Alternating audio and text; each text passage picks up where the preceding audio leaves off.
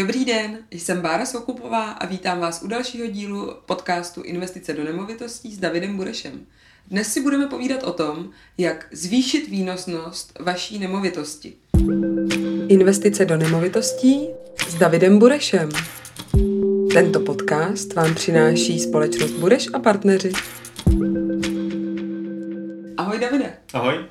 A tak ty jsi mi slíbil, že si pro mě připravíš pět typů, jak si zvýšit výnos u té nemovitosti, kterou už nějaký majitel vlastní.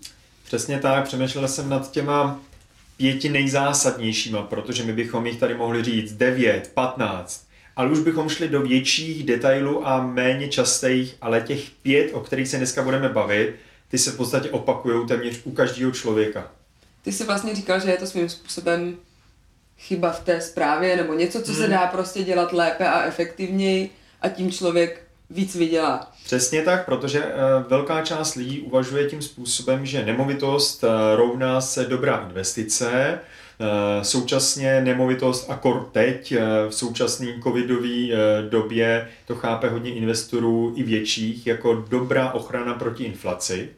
To znamená, že v ten moment ty, když koupíš nemovitost, tak máš záruku, že ne záruku, ale máš pravděpodobnost Eh, velkou pravděpodobnost toho, že tvoje hodnota majetku neklesne. Mm-hmm. Oproti to tomu, si, o tom jsme si povídali tak, v minulých Kdybys to držela ty peníze na účtě. A velká část lidí teda tím pádem nakupuje nemovitosti, využívá toho dlouhodobého růstu, který tady za poslední 20 let eh, nemovitosti vyrostly o 7,9% a eh, nájem každoročně se posunul o nějakých 5,9%. Takže to je všechno v pořádku ale naprostá většina lidí to řeší sama na koleně. Hmm. A těch pět chyb, o kterých se budeme tady bavit, se opakuje neustále pořád znovu a dokola. A vlastně tou první, nejzásadnější chybou je, um, my tomu říkáme znovu obsazení, rychlost znovu obsazení.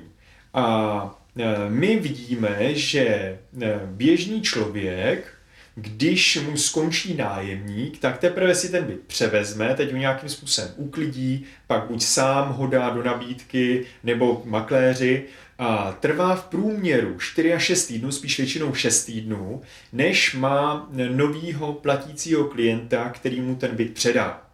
Takže ta mezera je v průměru 6 týdnů. Takže 1,5 nájmu. 1,5 nájmu ale hlavně je potřeba vzít v úvahu, že eh, průměrný nájemník se otočí v bytě po 14 měsících. To znamená, ano, někdy je to po třech letech, ale někdy je to taky po půl roce. Takže průměr na trhu je 14 měsíců. Takže si vím, že když by si každý v podstatě rok měla víc jak jeden nájem, ztrátu, tak je to docela velká, eh, velký, velký propad toho, co ty můžeš mít. Proto my, když se snažíme profesionálně přistupovat k těmhle těm eh, správcovským agendám, tak máme celý ten proces nastavený tak, abychom už eh, tři měsíce před koncem mm. toho období to začali řešit. Kontrolu nemovitosti a všechny tyhle ty věci. A dva měsíce před, eh, před eh, koncem, respektive před ukončením té současné smlouvy, už to mít v inzerci, dělat prohlídky, v našem případě primární virtuální prohlídky, mm. ale pracovat na tom, abychom toho člověka nového měli dříve, než ten starý člověk, chápejme ten předchozí nájemní, bude odcházet z toho bytu. V, v době předcovidový jsme měli statistiku, 9 případů se nám povedlo před z 10. Teď samozřejmě ta statistika je trošku horší, protože je menší počet eh, potenciálních eh, nájemníků na trhu, ale pořád se držíme dostatečně vysoko Eh, oproti běžným pronajímatelům. Respektive je spíš vyšší počet těch bytů pronájmu. Tak, versus, tak, myslím, tak, že nájemníků tak. asi bude plus minus pořád No stejně. i pár těch nájemníků ten trh opustilo, když, mm-hmm. se, když se museli expati vrátit, eh, to znamená to zahraniční pravda. pracovníci do svých zemí eh, a současně některý, některý lidi, jako třeba studenti vysokoškol, studují z domova a ty byty nepotřebují, tak dočasně vlastně tyhle ty lidi na tom trhu nejsou, mm-hmm. který se vrátí hned, jak se situace zase změní. Takže pod číslo jedna bylo rychlé znovu obsazení bytu. Přesně tak. To je naprosto nejčastější a uh, setkám se s tím vždy u každého člověka. Což nám v průměru může dělat jeden nájem ročně, když to z průměru, tak, pokud tak. se to nedělá efektivně. Přesně tak. Takže to je asi bod číslo jedna. Bod číslo dvě je přezetí toho bytu. Mm-hmm. Většina, většina těch majitelů nemovitostí si ten byt na začátku, řekněme, i docela slušně připraví, ale během času, jak to pronajímají, tak ten byt chřadne, chřadne, chřadne. Tím pádem postupně si do toho bytu dokážou tím, jak ten byt vypadá, přitovat horší a horší a horší klienty, nájemníky, který to víc a víc vybydlujou, protože ten klient do prémiového bytu má jiný způsob chování jako ten klient, který už si eh, pronajímá B nebo C byt, jo, hodně zjednodušeně řečeno.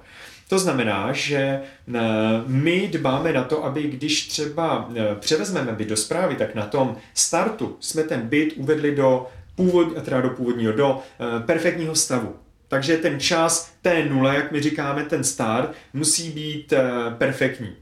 Ve chvíli, kdy ho máme perfektní a někdo v tom bytě bydlí, řekněme třeba rok, tak my po něm chceme hodně důrazně ten byt dát zase do stejného stavu, jako to bylo na tom počátku. Proto my máme dostatek důkazního materiálu, ať z pohledu fotodokumentace, virtuálních prohlídek, tak i jiných věcí ve spojení s protokolem, abychom toho člověka tady k tomu směrovali. Ehm, velká část majitelů, když nedává na tohleto pozor, tak eh, sice si třeba i do protokolu zapíšou nějaké chyby, ale pak vědí, aha, tak soudně nebo jinak bychom to těžko řešili, takže jdou a ze svých peněz to jednou za čas prostě opravějí. Jednou za dva, tři roky ty lidi do toho dají 30 až 50 tisíc, ale to jsou dost často opravy, které nemuseli dělat. Ano, když mi odejde kotel, tak to musím dělat vždycky, ale eh, nemuseli dělat, eh, když by se o ten, o ten byt skrze ty nájemníky lépe starali. Takže to je druhá věc, eh, která z mýho pohledu eh, je eh, dobře zprocesovatelná, to znamená dobře, dobře s ním můžou ty pronajímatele pracovat. Není tam trochu jednodušší, mm-hmm. a myslím si, že to bude i v těch dalších bodech, to, že vlastně tím, když vy ty byty spravujete, tak nejste ten konkrétní majitel, tudíž tam nevzniká nějaká osobní vazba, a je vlastně jednodušší tím, že je to profesionální služba, uh, být striktní, to není tak, ano. že vy byste chtěli ubližovat těm nájemníkům. No to nechceme. Určitě. Ale prostě říkáte, hele, takhle, takhle to bylo, taková jsou pravidla a my potřebujeme ten mít, byt mít ve správném stavu a protože se tady tohle porušilo, tak prostě platíte opravu z kauce. Přesně tak. Naším cílem určitě není komukoliv ubližovat. To bychom v životě nechtěli dělat. Naším cílem je na začátku určit pravidla a ty pravidla vyžadovat a chtít je dodržovat potom podnájemníkovi. Protože když se tohle to neudělá, tak se přesně stane, že ten člověk nám byt předá třeba nevymalovaný, předá nám ho jenom zametený, ale není generálně uklizený, to, takže tam bude od špinavých oken až po, špinavej, eh, po, špinavej, eh, po špinavou koupelnu Tohle my nechceme.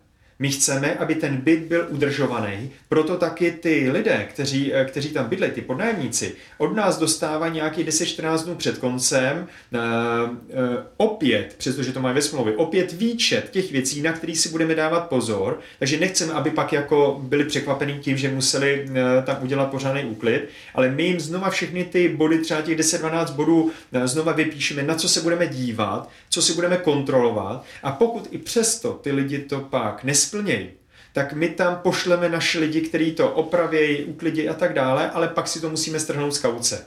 Mm. Takže není cílem někoho překvapit, ale cílem je směrovat ho na to, aby to dodržovalo. Takže vy vlastně tím, že mu dáte ten návod, tak ho i navedete k tomu, co má udělat, tak, ano. tak aby si zachoval svoji kauci a tím pádem vy si usnadníte tím, že mu přesně řeknete, jak mají udělat generální úklid a tak dál, tak vy si usnadníte to, že opravdu ten byt je pak uh, vhodný k okamžitému předání další. A já si osobně myslím, že velká většina těch podnájemníků s tím nemá problém. Pokud eh, dostávají tu pravidelnou informaci, my tím, že si byty pravidelně kontrolujeme, tak je na to upozorníme. Takže není to o tom, že by ty lidi najednou po roce dvou se s náma poprvé setkali od toho, kdy podepisovali s náma smlouvu a byli překvapení, že musí třeba vymalovat. Mají to ve smlouvě a my to vyžadujeme ale eh, jde o to, že ty lidi, když to postupně dostávají, eh, dostávají eh, naservírovaný tyhle ty informace, tak vědí, na co se připravit, že to bude nutný, že to bude potřeba, jinak to bude bolet. Mm-hmm. Jaký je teda další bod? No, z těch dalších bodů, když bych to bral, tak to je věc, která třeba není moc vidět a hodně lidí si ji samo i omlouvá, teď myslím majitelů, a to je změna ceny nájmu. Eh, panuje tady takové, takové přesvědčení, eh, kdy slovy klienta bych mohl říct, já v tom bytě mám už pět let eh, pana Nováka, který perfektně platí, jsem s ním spokojený, vůbec bych ho nevyměnil, nemusím se vůbec o ní starat, vůbec všechno v pořádku, Uh, takže, takže já mu ten nájem zvyšovat nemůžu, protože přece kdybych mu ho zvýšil, tak on by mi mohl odejít a nebo bych musel do toho bytu nějakým způsobem uh, investovat nebo něco takového, když ten byt není zas tak pěkný. Tohle je uvažování naprostý většiny lidí. A to je špatně. Ještě tam občas vznikne nějaká vazba, že, jako je mi to už, nájemník je mi sympatický, tak přece na něj nebudu je, jako eh, to zlý v uvozovkách.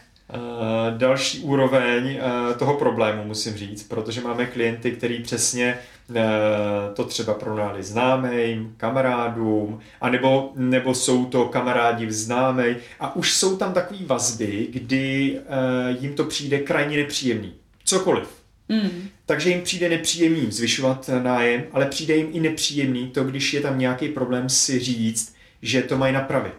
Ty lidi to prostě neudělají. Takže to je jedna z věcí, proč si nás třeba eh, majitele najímají, protože nechtějí tenhle ten emocionální stres, jak eh, tomu říkám, eh, zbytečně postupovat. Protože když ty si vezmeš, že ten nájem třeba teď před pěti lety byl za 10 tisíc a stejný byt po pěti letech stojí 15 tisíc plus poplatky, takže řekněme, že 5 tisíc rozdíl, tak ty si za takovýhle období přišla uh, o nějaký, jdeme tomu třeba 180 tisíc, mm. který si prostě nedostala. A ve chvíli, kdy tímhle tím způsobem budeš hospodařit, tak v tom dlouhodobém horizontu už se bavíme opravdu o velkých penězích. Jo, vem si, že za 180 tisíc se nechala udělat nová kuchyň a relativně středně velká rekonstrukce bytu. Jo? A tu najednou nemáš a mohla si ten byt pozvednout, měla si možnost si říkat o víc peněz a nemáš to, takže, takže jsi v situaci, že eh, ti ten tvůj byt nevydělává maximum. A, a my jsme naopak zastánce toho naopak.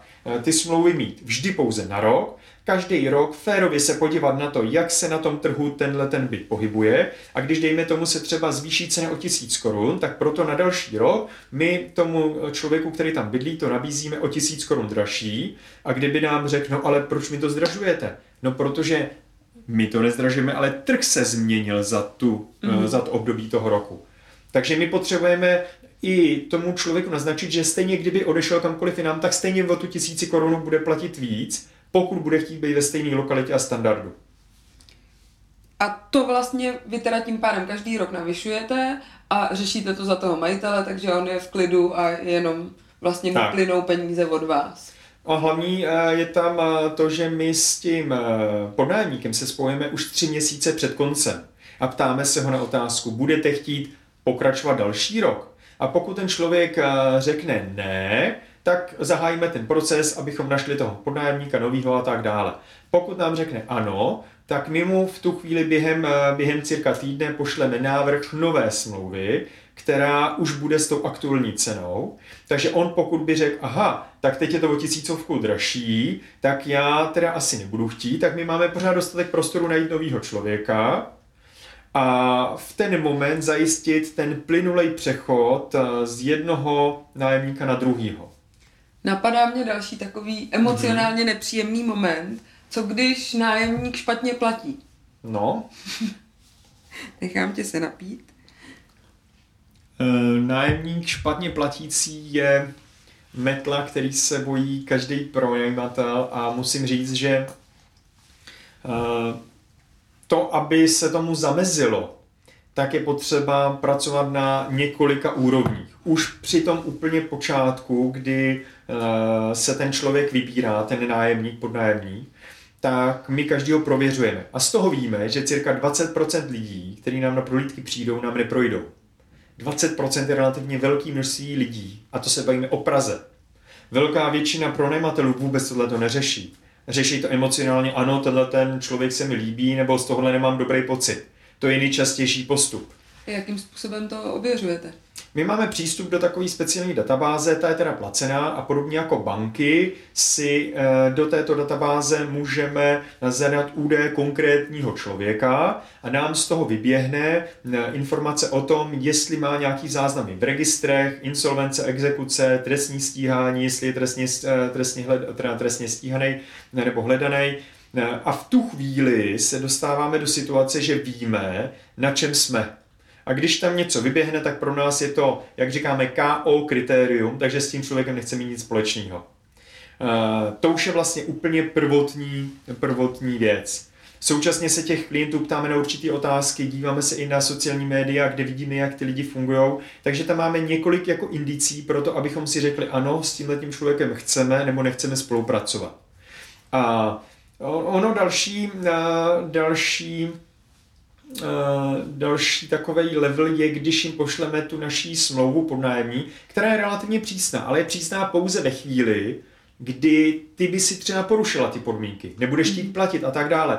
A tady se dost často uh, uh, láme ten uh, uh, láme ta větev, protože ty lidi, kteří mají pocit, že by mohli jakoby se dostat do situace, že nebudou mít možnost platit a tak dále, tak většinou nám nechtějí tu smlouvu podepsat nebo chtějí, abychom některé sankce vyřadili a podobně, což zase opět nepřipadá v úvahu. Takže e, je to další takový očistný proces v tom, e, který klienty ve skutečnosti do toho portfolia si chceme přijmout.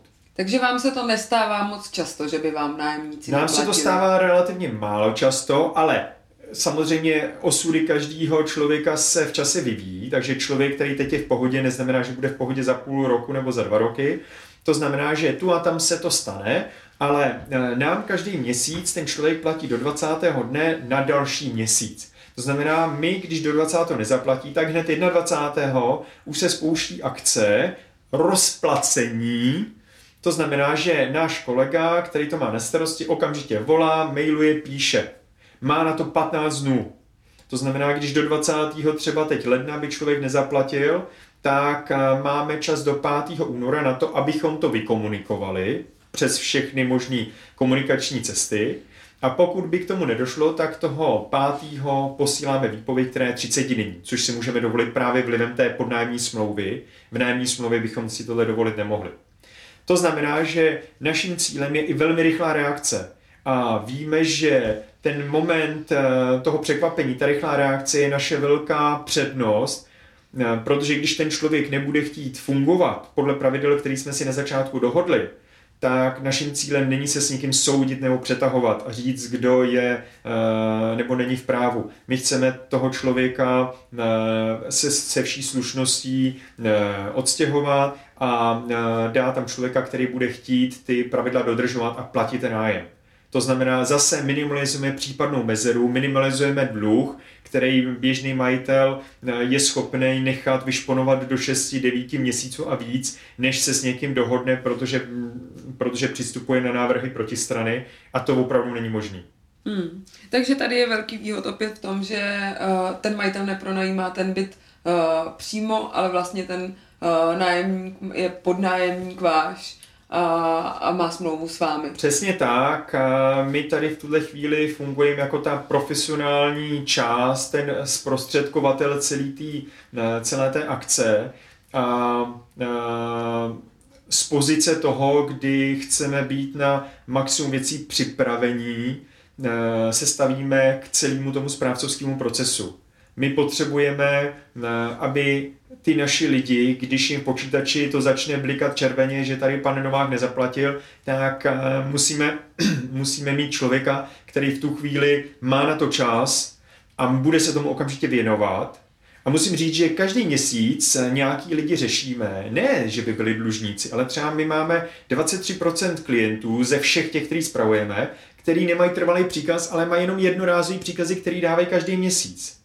A to je typický, že ty lidi občas zapomenou, takže neuhradí 18. ale uhradí 22. To znamená, my si ty lidi musíme pořád držet jakoby na úzdě, aby se nám nerozjelo to, jo, tak když jsem zaplatil o pět dnů pozdě, tak o deset mm. dnů pozdě by se to taky jako asi dalo. Mm. Jo, tohle se nesmí stát. Super. A pátý, poslední bod? To jsou daně. Mm-hmm. Uh, daň uh, je věc, kterou hodně, hodně pronajímatelů podceňuje. A jsou tady teď oba extrémy. Na jedné straně jsou lidi, kteří říkají, o tom nikdo neví, tak já ty daně neplatím, čímž teda zásadně nesouhlasím. Uh, ve chvíli, kdy, kdy je neplatí, tak tím pádem ani jako investor nemůže se dál rozvíjet. To je věc jedna a navíc hrozí to riziko, že kdykoliv se o tom někdo dozví a dá udání, tak pak bude problém, který bude velký. Na druhé straně extrém, ten, že ty lidi platí, a to se pozor dotýká asi tak 80% pronajímatelů, že ty lidi platí ty daně vyšší, než by museli. Protože eh, daně z pronájmu eh, může každý z nás platit dvojí cestou. Buď takzvaně na základě paušálu, anebo na základě skutečných nákladů. Většina lidí si vybere tu první možnost, protože to je schopná vyplnit to daní přiznání sama, bez jakéhokoliv účtaře nebo daňového poradce. A v ten moment eh, ty se u průměrného bytu, kde je 15 tisíc měsíční nájemné, tak se dostaneš na roční eh, platbu daně někde kolem 18 tisíc. 18 tisíc je řekněme tak jeden a čtvrt měsíčního nájmu, který musíš každý rok zaplatit finančnímu úřadu. Přestože ty nemusíš.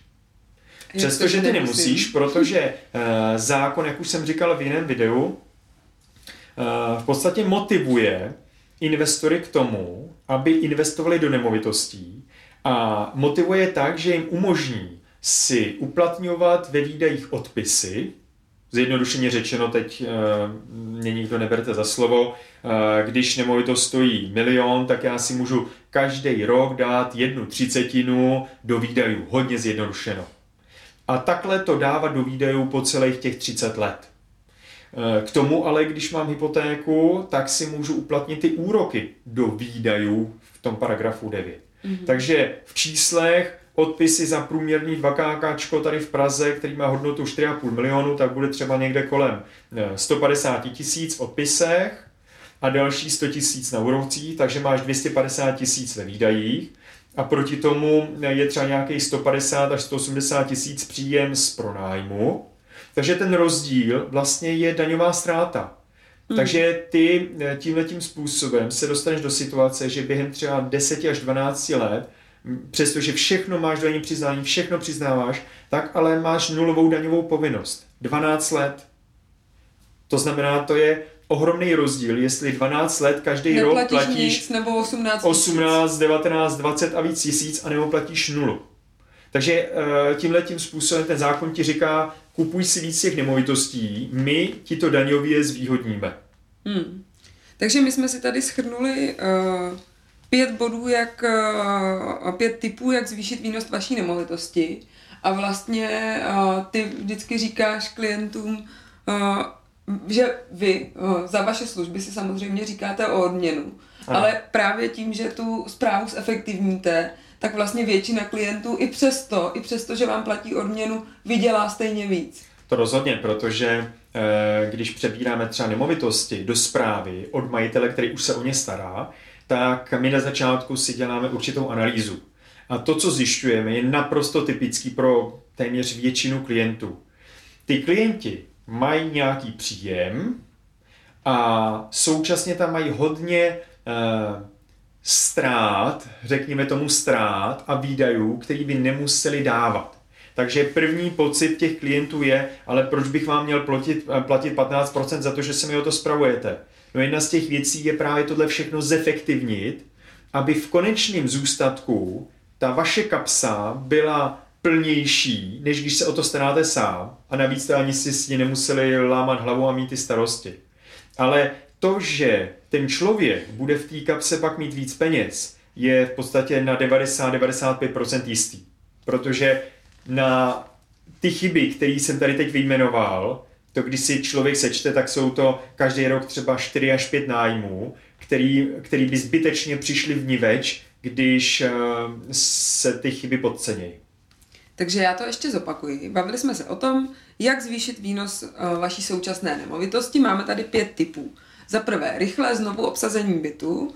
Za druhé, důraz na převzetí bytu v původním stavu.